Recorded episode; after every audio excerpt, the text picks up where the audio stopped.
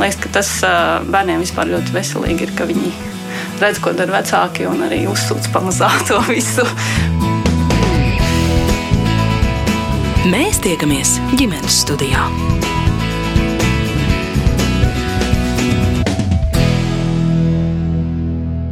Labdien, un esiet sveicināti ģimenes studijā. Šodien es Agnese Linka aicinu kopīgi doties viesos uz Cārnikavu, kur iepazīsimies ar Krūmu ģimeni. Viņiem viss ir ap un par sportu. Tētis Edvīns bijis vieglatlēts, tagad treneris. Arī mamma Sandra sportojusi profesionāli, ne tikai bijusi vairāk kārtēji Latvijas čempione, bet vēl pēc pirmā bērna piedzimšanas startējusi Eiropas līmeņa vieglatlētikas sacensībās. Tagad viņi abi ir sporta skolotāji, abi kopā audzina trīs dēlus, un nav nekāds pārsteigums, visi puiši aktīvi sporto. Vecāki gan uzsver, ka tā nav bijusi viņu vienīgā izvēle, jo viņu prāt svarīgi bērnus attīstīt vispusīgi, dot iespējas izmēģināt arī mākslu un mūziku, taču krūmu dēli visi kā viens uzauguši stadionos un manēžās dod priekšroku sportam, kas interesanti ne tikai vieglatlētikai.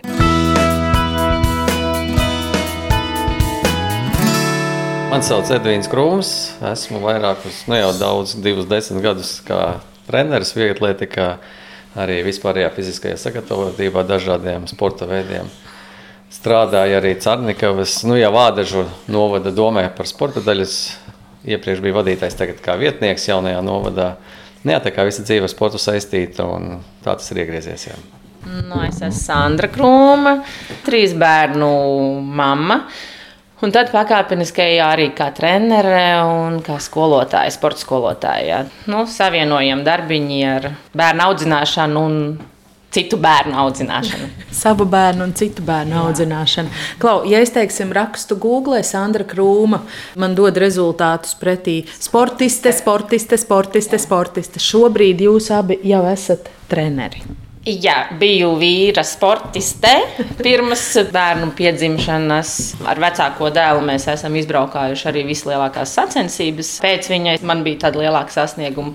Pēc mūsu laulībām mēs nolēmām, ka trenēsies pie viņa. Jā, bet nu, jau esmu pārgājusi par treneru kādu laiku pēc šiem diviem jauniešiem. Jā. Jaunieši ir kopā trīs, nu tad varbūt pēc auguma. Jā, mani sauc Ernests, un es nodarbojos ar hokeju. Brīvajā laikā pārsvarā tikai sportoju un mācos. Hokejs. Es godīgi esmu nedaudz pārsteigts. Kāpēc tieši hokejs? Mm, es nezinu, kaut kā jau no jaunības iepatikās, un tā arī līdz šai dienai ir vēl joprojām hokejs. No jaunības tad man jāvaicā, cik tev gadu? 17. un cik sen tu spēlēji hokeju?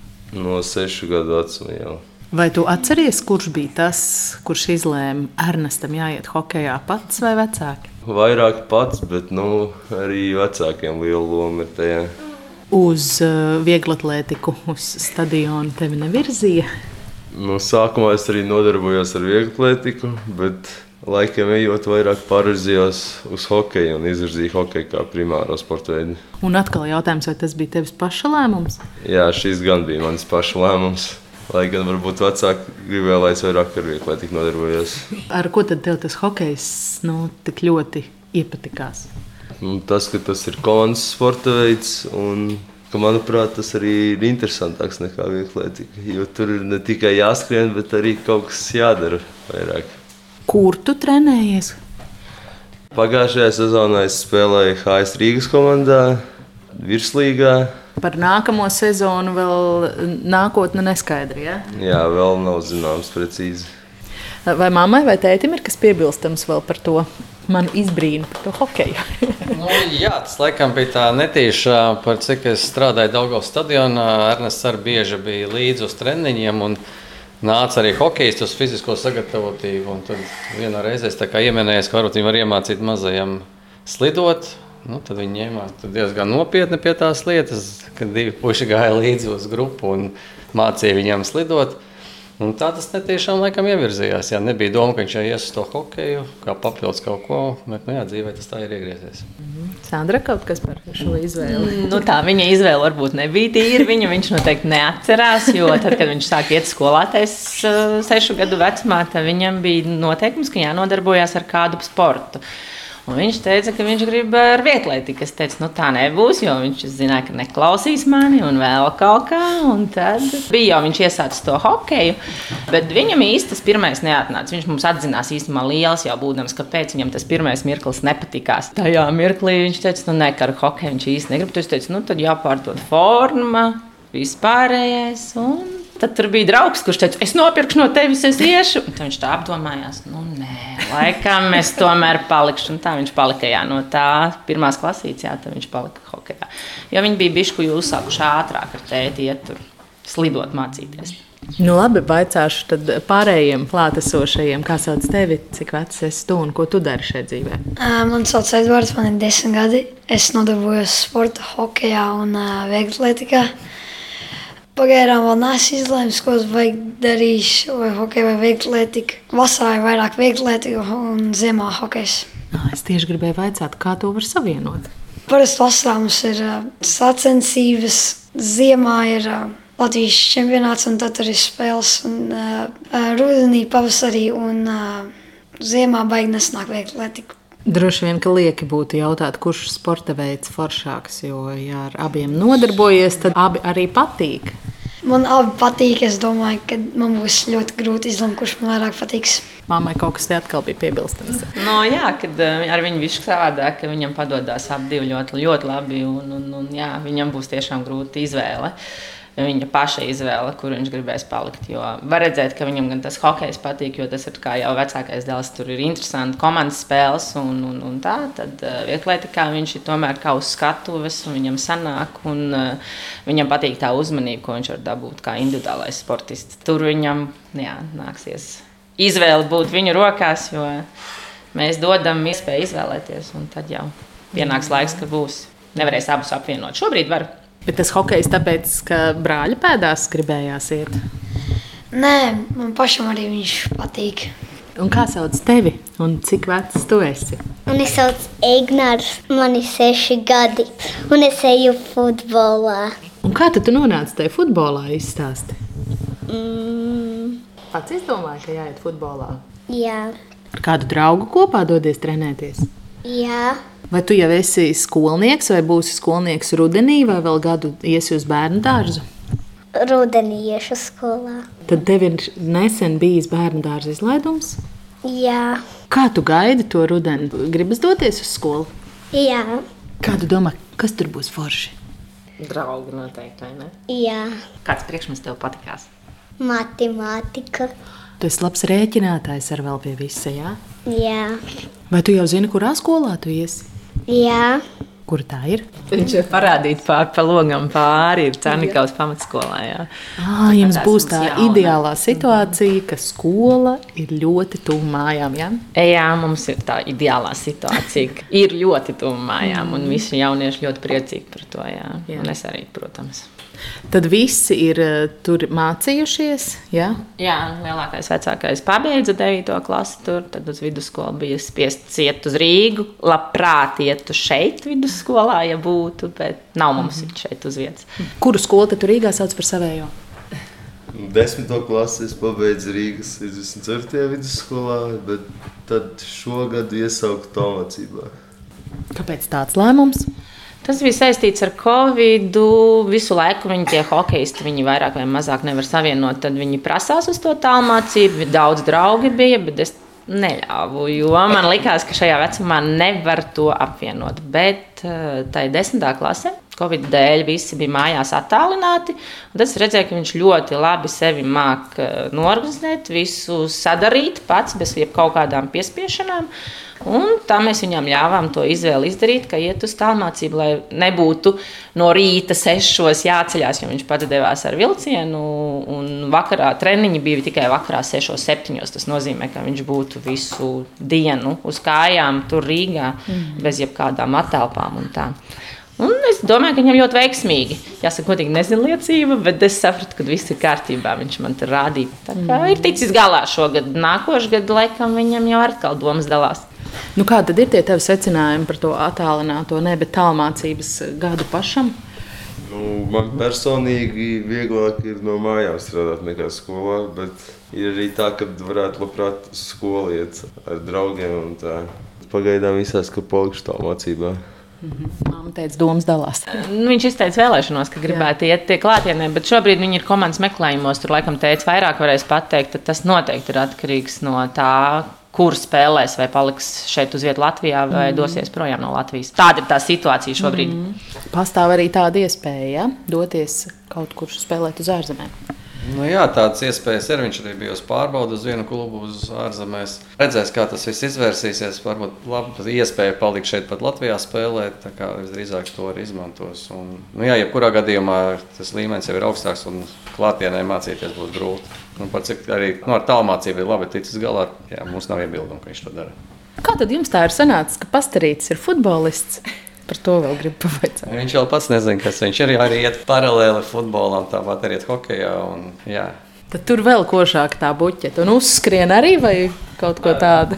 Uzskriešanā liels, liels sliņķis ir, bet ir atvērties. Jā, bija līdzi. Viņam ļoti patīk medaļas ar sarkanām lentītēm.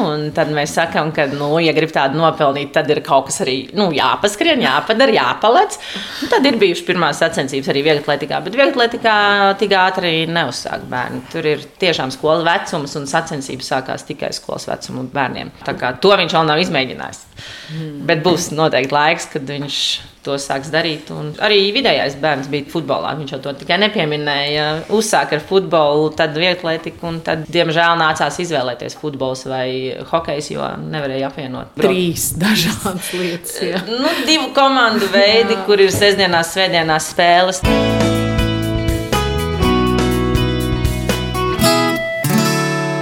Cik sen jūs Cārnikavu saucat par savu dzīves vietu? Tik, cik vecākajam ir gadu, tik mēs arī esam īsti Cārnikavieši. Bet pirms tam man dzīvoja šeit vecāki. Nu, principā jau no mazotnes šeit pirmos dzīves dienas pavadīju šeit Cārnikavā un tad pārcēlāmies uz Saukrastiem un Rīgu. Bet jā, nu, ar visu ģimeni mēs šeit esam kopš 2004. gada. Tas tāds apzināts lēmums par labu šai vietai. Kāpēc? Pierīga kā nekā. Nu, mums bija jāizvēlās, pieteicās Ernests. Un, protams, Rīgā mēs nebija ne savu dzīvokli, nekā īrējām. Tad bija tāda jā, iespēja, kad Edvīnam bija vecmāmiņa, cik es sapratu, norakstījusi savu dzīvoklī. Tad mēs izdomājām, ka šeit veidosim savu līgzdiņu, kā teikt, ar mazu bērnu jau uz rokām. Simtprocentīgi var teikt, nenožēlojam neko, jo projām mūs no šejienes ir laikam ļoti grūti dabūt, jo viss, kas šeit ir, tas ir jūra, stadions, skola un viss bērniem ir ļoti labi. Jā. Viss, kas vajadzīgs, jūra un stadions. nu, jā, viss ir tiešām infrastruktūra ir ļoti izdevīga. Arī uz Rīgu ir ļoti tuvu vilciens. Bērni paši tiek uz treniņiem, ja tas nepieciešams. Jums patīk šeit dzīvot? Jā, kāpēc? Tāpēc šeit ir stūris stadions. Kas ir Forša Cernikavā? Iet uz parku stadionā. Nu, manuprāt, vispār liekas, ka Cernikava ir perfekta vieta, jo viegli pārvietoties gan uz Rīgu, gan uz citām vietām. Un arī jūra tuvu ir, ir daudz ko darīt ārā, ir kur iet peldēt. Ir tā jūra ikdienas uh, grafikā bieži, ja? jo dažkārt ir tā, ka tie nu, jūrmalnieki, piemēram, saka, ah, reizi gadā tikai aiziet. Jums tā nav. Nē, nu man noteikti nē. Es uh, cenšos jebkuru brīvu brīdi, nu, tas arī citreiz pēc darba, kad ir galva pārpildīta, nu, bērni skolās kliedz vai pēc treniņiem ir. Tad uzreiz atnāk mājās, nomet mans un pastaigā uz jūru. Mums tur kopā sanāk kādi 5 km turpat pakaļ, tad es arī izmantoju. Šitais pēdējais posms varbūt ir bijis mazāk, bet jā, cenšos gandrīz katru dienu tikt līdz jūrai. Bet Jā. Puikas pievienojas? Nē, nu, jau kādu ne kādreiz ar ratiem braucām. Ar, nē, viņas grūti dabūt. Tikai, ja peldēt, iet apsolam, un ar mašīnu, ja braucam. Ar kājām, nē. Tā ir mammas prioritāte. Ja? Jūs arī pievienojaties? Jā, tas nosaukums, kad ejam uz jūru, tas nav tā, ka mēs aizejam uz jūru un tur sauļamies vai peldamies, bet tas ir tas pavadītais laiks pa mežu, paklausīties putnus, priedes, Tas tā kā relaksācija vairāk, bet nu, tas ir nosaukums ejam uz jūru. Kādas jūsu ģimenes šīs vasaras aktualitātes? Vasara 2022. Kas ir jūsu plānos un grafikā? Nu, mums, man liekas, visas vasaras ir vienādas plānos un grafikā ir nometnes un sacensības. Tas ir realitāte. Augustā mēs varam kaut ko domāt par atpūtām un vēl pārējais, bet tur bērniem atkal sākās visi treniņi. Tā kā vasaras mums gandrīz vai nav. Stadioni un nometnes. Jā, ļoti daudz sacensības, jo mums audzēkņi ir dažāda vecuma grupās, un principā arī darba dienās ir sacensības. Tā kā jāpaiet viss stadionā par laimi tagad jauniešiem ir ledus beidzies, tad vismaz tie hokeja treniņi ir nenotiek. Miers no tiem. Miers no tiem un jā, diezgan tā sezona ir saspringta ar dažādām sacensībām. Viss ap un par sportu, vai jūs varat pastāstīt katrs savu stāstu, kā jūs nonācāt sportā, viegli atletikā? Laikam mani vecāki atveda, mēs dzīvojām Rīgā netālu no Daugavas stadiona un tēvs aizveda pie trenera. Man vēl bija astoņi gadi, kurš teica, ne, kad es vēl pamaziņu, lai es eju dejot. Tiešām es aizgāju dejot, kā mēnesi es izturēju, un tad teica, aizved pie citas treneris, kur man bija ļoti ilgu laiku posmu, kuras uzskatu principā kā mana otra mamma, kas gan izaudzināja sportā, gan arī varbūt pašā dzīvē ieveda. Tā tas bija. Mm. Bet, nu, jāsāk ar viegli, tur arī paliku. Bija arī tāda spēcīga motivācija no vecāku puses, ka tas ir jādara? Nē, nebija tā, ka viņi obligāti vienā brīdī izteica, ka man viegli atletika tiešām nepatīk. Laikam es nevarēju iedzīvoties treniņu grupā. Tas bija tas iemesls. Teicu, ka gribu iet uz futbolu. Vecāki tā kā jā, piekrita, nav problēmas, bet nu, jā, tomēr es paliku viegli atletikā.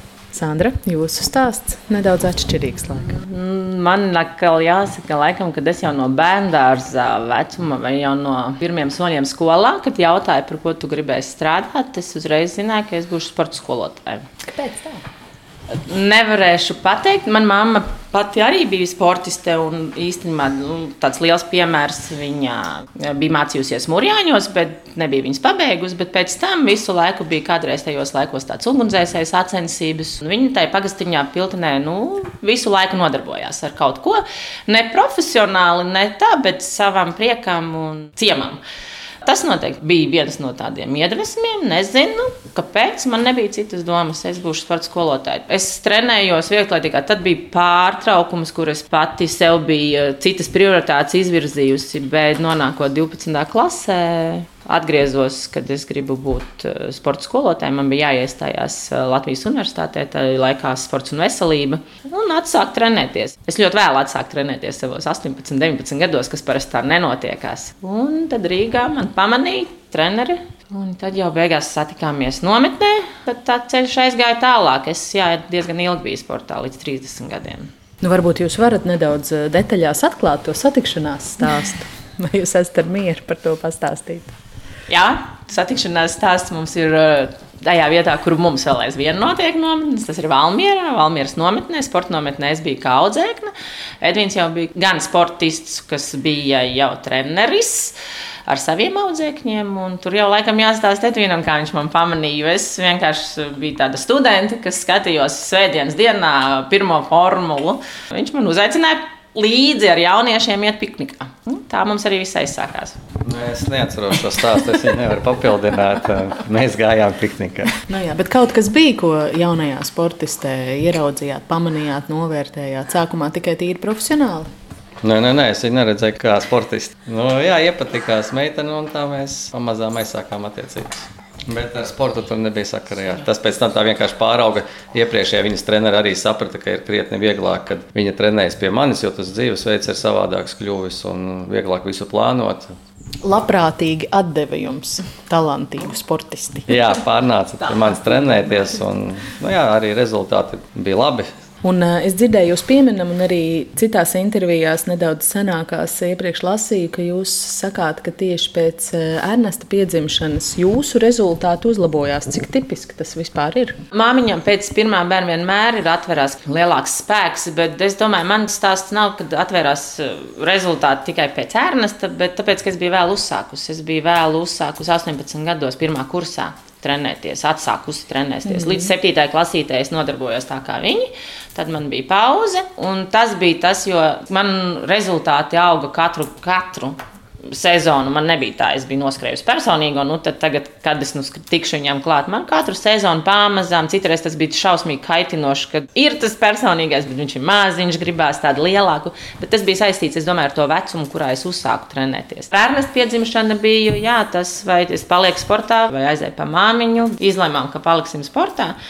Un tur noteikti, ka vairāk varēja izdarīt. Tas bija tas, jo bērns bija atvērs to mātes sievišķo spēku, un tad noteikti tu vairāk varēja izdarīt. Bet tas tā ļoti apgaroti skan, atvēris mātes sievišķo spēku. Kā tas fiziski nu, notiek? Mātes var daudz vairāk, var negulēt naktis, var Bet parūpēties. Sīcis, kāda skriešana? Nē, viņi tai vecumā vēl dod enerģiju. Jā, pēc trīs bērniem vai diviem bērniem tas ir neiespējami, jo, jo tev ir viss jāsaplāno un viss pārējais. Bet viena bērna viņš uzauga stadionā, tur īstenībā jāprasa, kā viņam, jo viņ, visu cauru gadu viņam bija smilšu kaste, viņš bija līdzi. Mums jau visi bērni ir līdzi stadionos, viņi visi ir uzauguši stadionos. Brīžiem man jautā, o, ka viņi tev spēcīgi vai vēl kaut kas. Es saku, nē, viņi ir vienkārši uzauguši stadionā un visu laiku ir kustībā. Tāpēc viņi tādi ir aktīvi un, un, un mākslinieki skriet vai lekt, viņiem tas patīk.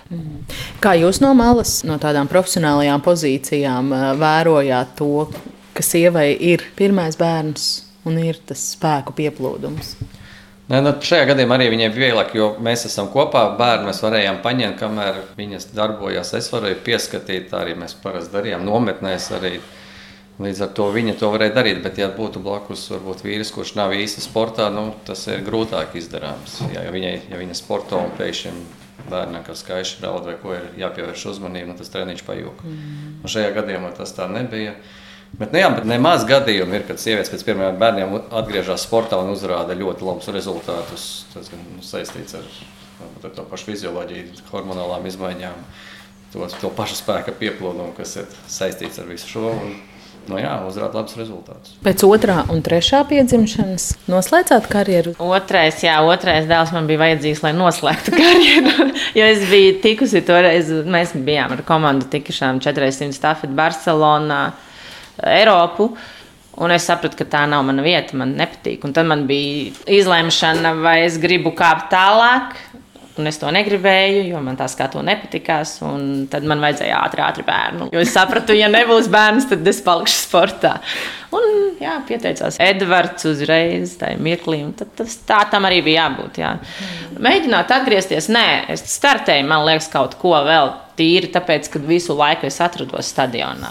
Kaut kas tajā stadionā jādara. Es esmu līdzi vīram, viņam ir citi audzēkņi, un es tāpat braukāju līdz sacensībām, bērnu līdzi. Es kustējos, bet tā, ka atgriezties, nē, nu, pēc trešā bija neiespējami. Jau vairs nebija tādas domas, nē, bija arī vecums. ir tā, pirmās bērnības atmiņas apkārt ir vieglatlētikas stadions. Atceros to, kad visur bija līdzi Visu skatījos, ko mamma dara, bet nu, tā īsti detaļās vairāk arī nē. Nu, vienkārši tas, ka visu laiku bija stadionā.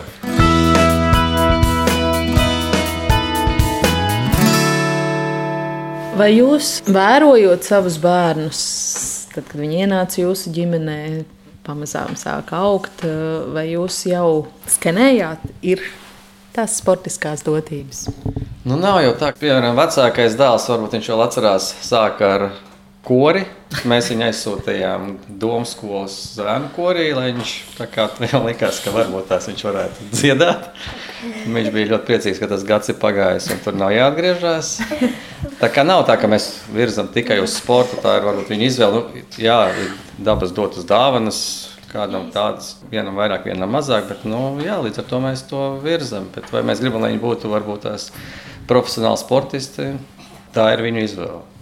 Mm. Bet Sandra te vienā brīdī teica, ka tādā un tādā vecumā bija noteikums obligāti kaut kur jāsporto. Jā, kaut kas ir jādara, nevis mājās jāsēž un eh, jāspiež podziņas, kaut kas ir jādara. Vai tā būs viole vai sports, nu, jā, paši var izvēlēties. Vecākām bija, vai bijām spēlēt klavierus vai hokejs, nu jā, to viņu jāizvēlās. Bet nebūs tā, ka viņi sēdēs mājās. Sandra? Nu, par vecāko varētu teikt, viņam bija mm, jau bērnu dārzā un skolā. Man ik pa laikam mums tur darbiņi ir. Viņam ir ļoti, bija ļoti laba, es nezinu, tagad nevaru pārbaudīt, ļoti laba krāsu izjūta un uz mākslu virzīts, jo vecais tēvs bija mākslinieks. Un, un viņam arī bija šīs dotības, un es ļoti gribēju, lai viņš iet mākslas skolā vai vēl kaut kur, bet tā mums arī nesalikās, jo mākslas skolas nepieļauj gandrīz vai to, ka tu esi arī sportā. Tur ir jābūt. Ir, visu laiku mm. tikai iekšā mākslā. Un tā mēs arī toreiz neizmantojām to iespēju. Es man biju mazais uz rokām, un tad es tā, nebija tāda uzstājīga, ko, tā, par ko es nu, tā it kā nožēloju. Jo nezinu, kas būtu sanācis, ja viņš būtu aizgājis kaut kur pamācīties zīmēt. Es neteiktu mākslas skolā, bet nu, Es viņu pa laikam centos pierunāt, aizējām, nu, varbūt uz kādu pulciņu vai vēl kaut kur, kur tev paturpināt to, kas tev ir dots. Par šiem diviem tam vēl viss priekšā redzēsim mazākajam. Vidējais gan mums neko citu, man liekas, kā sporta neredz. Viņš grib jebko, kur viņš ierauga, kas ir sports. Viņš ir gatavs iet basketbolu, geto games, visu dziedāt un nosēdēt, zīmēt. Skolotāji jau sūtīja visu laiku atpakaļ darbus, arī nav.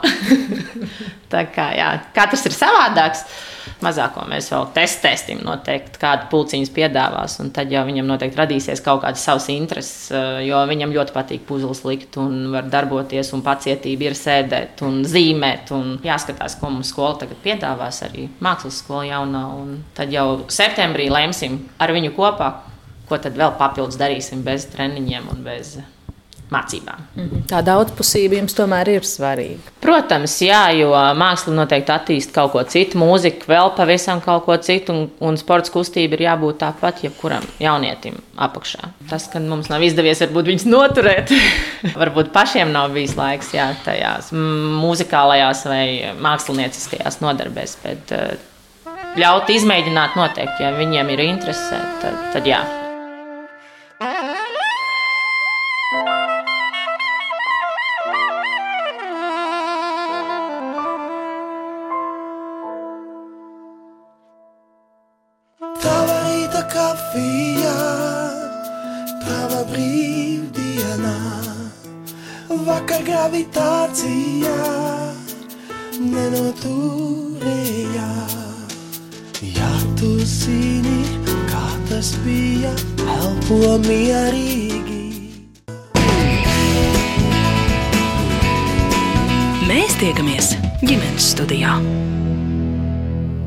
Studijā šodien tiekamies ar krūmu ģimeni no Cernikavas. Sandra un Edvīns abi bijuši profesionāli vieglatlēti, tagad trenē bērnus un jauniešus un audzina trīs savus dēlus. Līdztekus stāstam par viņu ģimenes dzīves un ikdienas ritējumu varam uzklausīt arī derīgas atziņas no krūmiem kā sporta pedagogiem.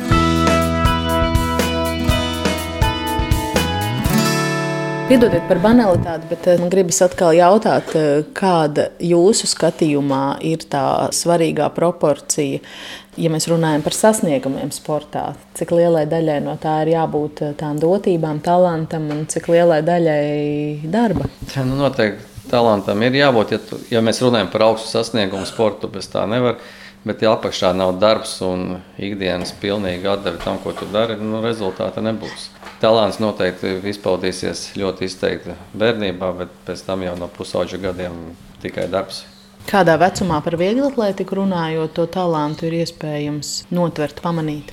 Nu, viņam 15, 16 gadi, ka varētu jau saprast, jā, kad puisis vai meitene izveidosies par nu, var izveidoties par labu sportistu. Kā tas dzīvē iegriezīsies? Grūti teikt, nākas tam grūtie laiki, 19, 20, 18, kad uh, parādās interese par pretējo dzīvumu. Nevienmēr tie jaunieši paliek tajā sportā. Īpaši arī Latvijas situācijā, kad nu, tas sports nav tik ļoti atbalstīts no valsts puses un daudz ir uz vecāku pleciem. Nu, arī tas ir izšķirīgs moments. Vai bērni paliek, jaunieši paliek sportā vai nepaliek. Tie jūs pieminētie 15, 16 gadi, tas e, šķiet diezgan vēlu, jo šobrīd vecāki ļoti aizraujās ar tādu agrīnu specializāciju. Arī ģimenes studijā mēs nereiz esam runājuši par to, ka nevajag varbūt tos četrgadniekus stumt konkrēti hokeja formā. To nokavēt nevar.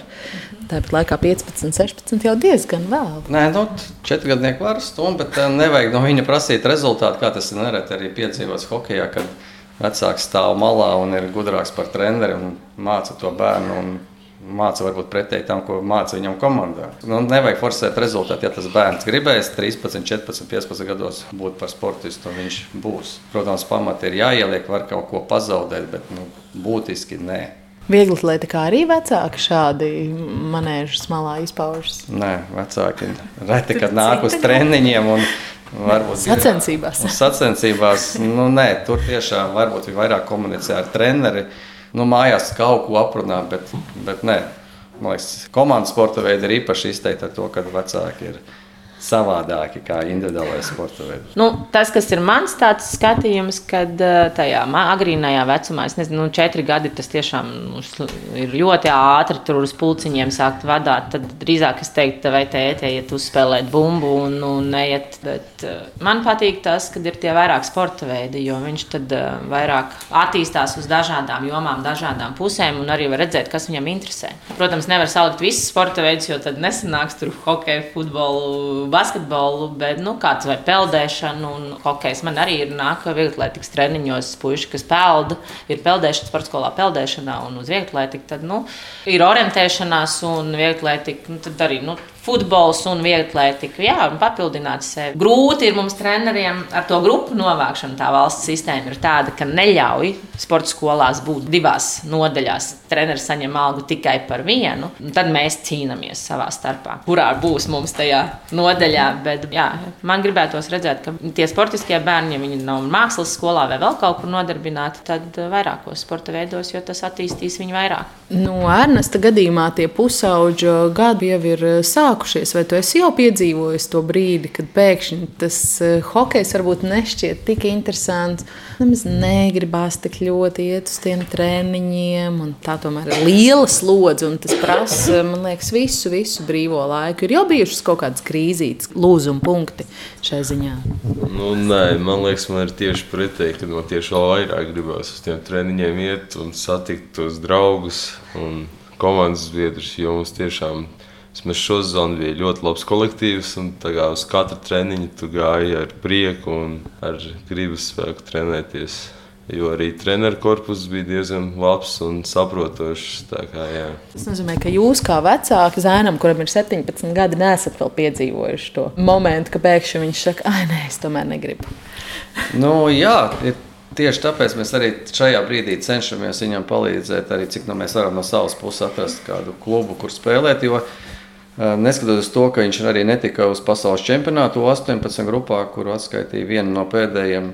Viņš nav zaudējis to cīņas spēku, un joprojām grib spēlēt. Šajā sezonā viņš ir nospēlējis tiešām, nezinu, ja tā saskaitīt, vairāk kā 70 spēles, kas ir ļoti daudz. Viņš nav zaudējis apetīti jau uz to sporta veidu. Es redzu, viņš ar azartu arī nāk tagad vasarā trenējās sausajos treniņos gatavojas jaunajai sezonai. Jums ir kāds skaidrojums, es nezinu, kā mammai, kā tētim vai kā profesionāliem treneriem, kas ir tas, kas nosaka, ka viens varbūt izdeg, pārdeg kaut kādā sporta veidā, ļoti aktīvi ejot uz priekšu, un, un, un cits nē, cits saglabā to gribu. Nu, varbūt ir no svara, ka tomēr mēs no viņa arī neprasām šajā vecumā Nu, mēs prasām, lai viņš atdod maksimāli to, ko viņš ir spējīgs, bet mēs neprasām no viņa nereālus ne rezultātus, ko viņš varbūt arī šajā gadījumā nebūtu gatavs uzrādīt. Tas viņam neuzliek papildus slodzi. Viņš redz to, ka viņš var izdarīt to minimālo programmu, ko mēs no viņam prasām. Un psiholoģiski arī pamazām iet uz priekšu. Ja mēs nostādītu mērķi, ka viņam pa visu varīt ir jāmet ir goli katrā spēlē un piespēles, un, nu, tad tas viņam varbūt tās sāktu nospiest un būtu grūtāk. Svarīgākais, ko es arī teicu, tie 15, 16 gadi ir, ir jāgūst bauda no tā, ko tu dari. Jo rezultāts nekur nepaliks, ja tu to gribēsi. Ja, ja gribēs tikai vecāki, tad rezultāts arī nebūs nekādā gadījumā. Tas var būt līdz 10, 12 gadiem, kad vecāki spiež un bērns vēl nevar pateikt nē. Un, jā, ja tētim vajag, es to darīšu, bet pēc tam nu, tas jau tas rezultāts vairs nedos. Varbūt jums kāds padoms? Kāda spuraina tīņa tētim vai mammai, kuri nonāk šādā situācijā, pēkšņi es negribu vairs iet uz treniņiem. Ko viņam atbildēt? Es domāju, ka tajā mirklī noteikti ir jāļauj, lai viņš saprot, ko viņš grib. Arī jāpazīst savus bērnus. Ir, citam varbūt vajag piespiest, varbūt tomēr salauzt to mirklīti un redzēt. Tas ir ļoti individuāli jāskatās. Tur ļoti, ļoti šaura līnija, ļoti kurā brīdī šaura. piespiest, kurā nepiespiest. Tādu padomu, diemžēl, nevarētu nav iedot. Universāli, nav universāli, jau nav katrs bērns ir individuāls. Un tad ir jāredz, kāpēc tas iemesls ir. Vai nu tāpēc, ka viņam neiet, jo arī Ernestam bija tāda sezona, kad viņš nāca pēc, visi bija komandās sametuši, un viņš nabaks nebija, viņš nāca raudādams. Tad tev ir jābūt, jābūt atbalstošai personai, kurš teica, gan jau būs un kaut kas, nevis prasīt un prasīt. Tad ir jāredz, kad vajag iekniept, jo viņš ir tāds slinkāks un vēl kaut ko. Tad, ja tu pateiksi kādu tādu vārdiņu, kas viņu aizķers, varbūt viņš sadusmosies un, un, un ies par spīti pierādīt tev, ka es varu. Nu, vismaz man tā raksturā ir. Ja man kaut kas nesanāk vai vēl kaut kas, tad es rīkojos tā, kā man ir. Ja man nesanāk, es zinu, ka tas ir spīti. Ja man ir noskrēja kāda no konkurentēm, es trenēšos vēl vairāk, lai, lai, lai, lai nākošajās sacensībās es pierādītu, ka es tomēr esmu labāka. Es ceru, ka viņiem ir tāda paša īpašība, iedzimta vai vēl kaut kur, bet tur ir individuāli nu, jāskatās, kāds ir tas bērns. Tāds viens universāls ieteikums noteikti nav uzmanīgi jāsako līdzi. Jo nu, galvenais ir vecākiem negribēt vairāk, cik grib tas bērns pats. Tas ir galvenais. Neuzspiest, ja viņš iet eh, raudādams uz treniņiem un saka, nē, un tad noteikti, kad varbūt meklējam kaut kādu citu, paļaut aiziet uz citu sporta veidu. Varbūt cits sports veids būs īstais viņam, ne tieši tas, ko vecāks izvēlējies. Ir. Un varbūt labi, ka īstajā brīdī kāds piedāvā nopirkt to formu. Un Jā. tad pēkšņi negribas vairs atdot. Tieši tā, jo toreiz bija tiešām nu, tas draugs. Tas bija īstais mirklis jā, viņam. Pats viņš neatcerās. Tev vienmēr gribās iet uz visiem treniņiem. Jā. Nav tāda brīža, kas linkums. Tad... Mm. Nē. Gribās tieši vairāk aiziet uz šiem treniņiem, un tā vai ilgāk viņi notiek. Un, jā. šis nav tas kadrs. Nē, šis nebūs tas kadrs. Šis būs, jā. Cits variants te būs jābremzē visu laiku, lai neizdara pa daudz kaut ko.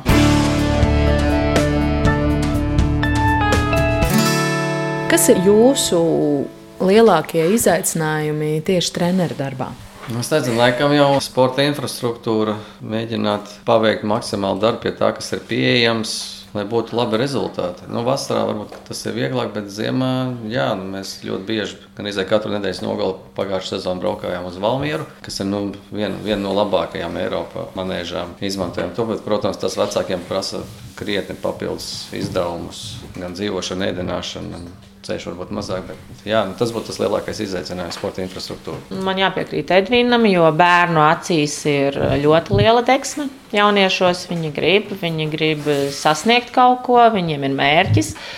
Un, nu, manā gadījumā tas ir. Jā, man nav nekā, lai viņiem dotu sacensību pieredzi tikai tik daudz, kā es varu aizvest viņus uz sacensībām. Bet stadioni un infrastruktūra ziemā, it sevišķi šeit, pierīgā, šai pusē ir ļoti, ļoti straka. Bērnu ir man daudz, ļoti daudz. Nāk tajā vecumā, kur būtu jāatkrīt, viņi nāk un nāk un prasās vēl trenēties. Un tas man priecē, un man vecāki citreiz prasa, nu, vai viņš ir tik spējīgs, vai viņam kaut kas būs. Es, es nezinu, vai viņam kaut kas būs, bet uh, man ir galvenais, ka viņš nāk ar prieku, ka viņš dara un, un ka viņš kustās. Manā situācijā es neesmu tendēta uz augstu sasniegumu sportiem, bet uz to, ka lai bērns kustētos. Un, ja viņš to dara ar prieku, tad es nu, to bērnu ņemu pie sevis.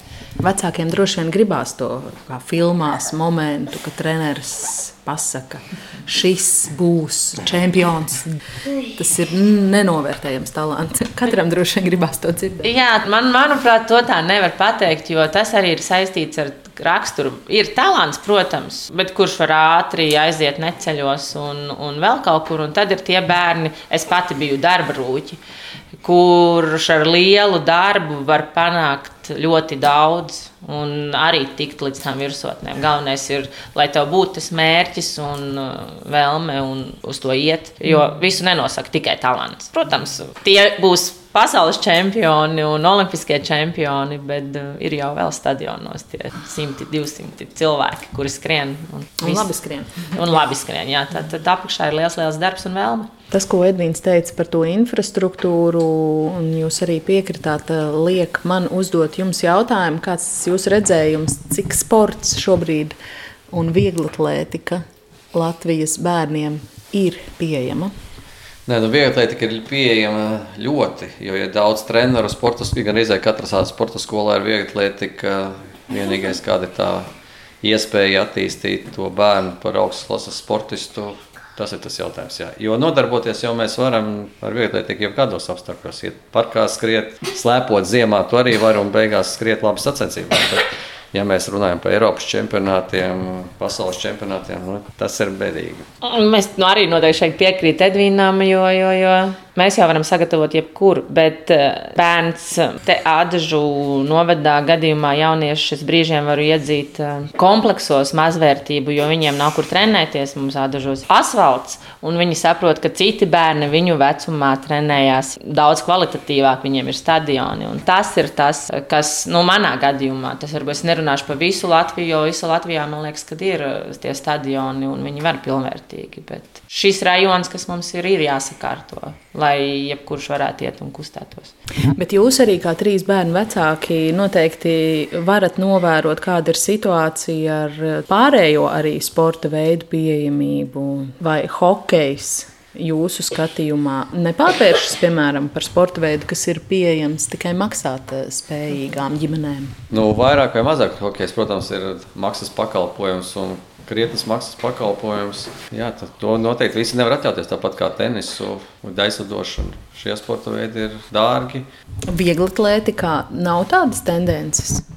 Vieglatlētikā nē. Tur var nākt, jebkurš tev īpaši nekā nevajag. Un arī sporta skolas, ja ir talantīgi vēl kaut ko, viņi noteikti atbalsta ar vienīgo nepieciešamo inventāru. Tās ir naglenes. Tur es domāju, jebkuram talantīgam, ja spējīgam bērnam nebūs problēmas. Vieglatlētika ir pieejama. Mm. Kā ir piemēram ar tām ārzemju nometnēm? Man liekas, man kolēģis stāstīja arī par tām jūsu rīkotajām Spānijā nometnēm. Jā, mēs braucam katru gadu, bet tur braucam ar izlases jauniešiem, mm. kuri jau gatavojās. Edvīnam ir audzēkņi, kas gatavojās Olimpiskām spēlēm, un tagad ir Eiropas U-18 vai pasaules ar tādiem jauniešiem mm. mēs braucam. Un tad tur naudiņas, jā, tur arī nu, meklējam, ir rakstīti projekti, ir, ir vecāki kādi, kas palīdz ziedot citiem pārējiem, un, un, un kam ir tās iespējas. Protams, tas arī ir dārgs pasākums, bet tādā līmenī jau cenšamies atrast, lai, lai tas jaunietis tiktu. Nu jā, audzēkņi zina, ka reizes gadā mēs tomēr braucam uz to nometni, lai sagatavotos vasaras sezonai, nu vairāk vai mazāk. Viņi kaut kā plāno, ka tā nometne būs. Protams, tas nav lēts pasākums, kaut kā to naudu vecāki atliek. Un... Plāno, ka varētu braukt tur. Kāda atšķirība trenēties Latvijā vai Spānijā? Tas ir tas periods, marts, aprīlis, kad Latvijā nereti vēl ir sniegs. Tad, tad mēs braucam, lai varētu tiešām pa stadionu jau skriet nevis manēžā trenēties un sagatavoties vasarai. Jo tā, kad atbraucam atpakaļ, izņemot, nu, ir reti pavasari, vasaras, kad kā maijā bija šogad, kad bija vēss.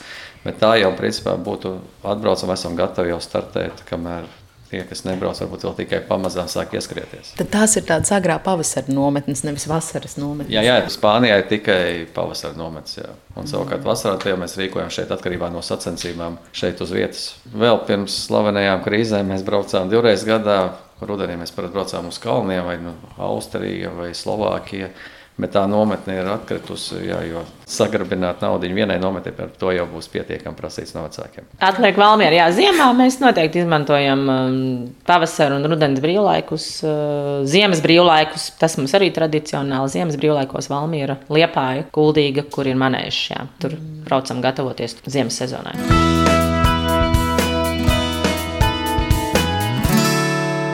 Ja vasara ir, kā māma teica, tikai sportā, tad varbūt jebkurā citā gada laikā. Kas ir vēl kaut kādi jūsu brīvā laika pavadīšanas veidi, ja tāds kādreiz atrodas ārpus sporta? Ko krūmu ģimenei patīk pasākt visiem govā? Jā, tas ir smags jautājums, jo mēs varbūt aizbraucam uz kādu kafejnīcu, pasēžam. Mēs izmantojam to Spānijas nometni kā kopā paceļot un izbaudīt to laiku, bet tā, jā, nu, visi kopā reti, kad mēs tā kaut ko jādarām. Nav ārpus sporta, man liekas, visi kopā mums nemaz nav. Man liekas, arī cits intereses pat nav nav nekādas. Jā. Nu, tas ir noteikti viena otra spēļu apmeklēšana, kur lielais brālis mēs bijām uz mazā brāļa futbola turnīriņu, tad mēs, protams, visi ar lielāko prieku, ja ir tas brīvais laiks, dodamies pie vecākā brāļa uz spēlēm vai pie, pie vidējā brāļa uz spēlēm. Un tad, protams, savācamies visi kopā, aizejam, pasēžam kafejnīcā, nosvinam, vienalga vai ir uzvaras vai zaudas. Un, tur parunājam. Jā, Ziemassvētki, es domāju, ka ir tas laiks, kur mēs kaut ko. Kādreiz mums bija tāda fotosesija, katru gadu mēs taisījām. Ar Covid arī viņa ir panīkusi. Jau tas bija tāds kopā pavadīšanas laiks, bet no nu, puišiem jau nav teātris apmeklētāji. Es jau vecākam dēlam teicu, vienreiz gadā mamma jāizved uz kino, uz teātri, uz koncertu. Bet jā, Covid ir ielicis savu Tā visi kopā, nu, tikai sports, es domāju. Tā. Jo jūs jau redzat, nosēdēt jau nevar. Kā tevējie uzvedās, tad, kad viņi atnāk uz tām spēlēm? Tu dzirdi viņus no skatītāju vietām. Īsti nē, es vairāk koncentrējos uz spēlēju un neskatos tā trījiem, kas tur notiek. Nav tā, ka var dzirdēt fonā, kā teica, vai mamma kliedz sarauj. Nu, Dažreiz tā ir, jā. Jūs klusiņām vai skaļi jūtat līdzi brālim, tad, kad jūs aizejat uz viņa spēlēm? Dažreiz skaļi un dažreiz klusi. Skaļi. Jā. Ko tu sauc? Hais Rīga. Ah, Rīga. Jā.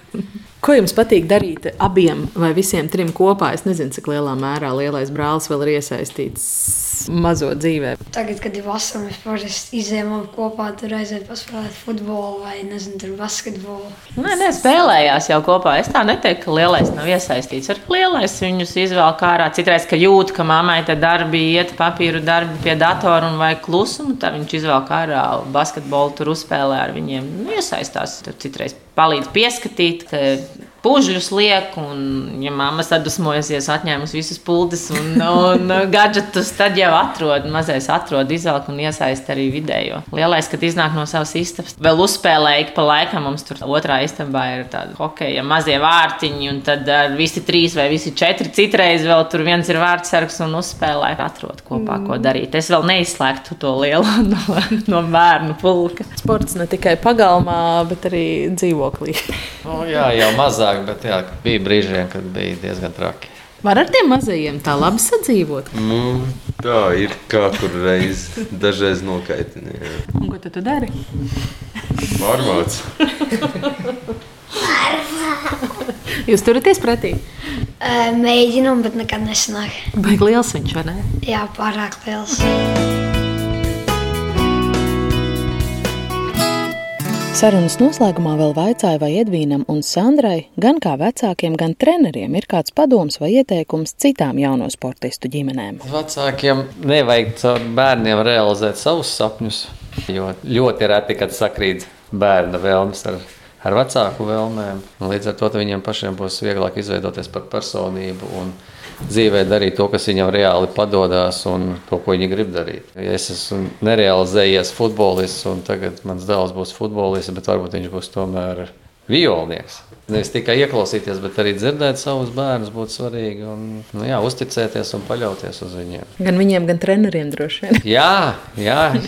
Trenerim ir jātic un jāpaļaujas. Nu, vai arī jāmeklē cits treneris, ja nav mīja darbības. Mm, Man tāds nu, noteikti galvenais ieteikums būtu uh, kopā un nebaidīties no tās kopā būšanas, ņemt līdzi. Neuzskatīt, ka tam bērnam tur nav vietas, vai viņam būs garlaicīgi vai nē, jo jaunietis vienmēr atradīs jebkurā vietā, ko darīt. Jo bērniem ir jāredz, kā dzīvo vecāki, kā viņi izklaidējās, kā viņi strādā. Kad viņi nav traucēklis dzīvē, bet kad viņi ir tieši tas, kas vecākus iedvesmo. Tā kā ņemam līdzi un darbojamies visi kopā. Tad arī mums Latvijā izaugs tie stiprie jaunieši, kas radīs nākotni, ja rādīsim viņiem piemēru. Ģimenes studijā šodien ciemojāmies pie Krūmu ģimenes Cernikavā. Ar Edvīnu, Sandru, Ernestu, Edvardu un Egnāru Krūmiem sarunājosies Agnese Linka. Par raidījumu tapšanu šodien gādāja arī Ilza Zvaigzne un Normīts Pap. Paldies, ja klausījāties un atgādināšu, ka ģimenes studija dzirdama gan visās populārākajās podkāstu vietnēs, gan Latvijas radio mobilajā aplikācijā. Tiekamies arī tur un uz sadzirdēšanos.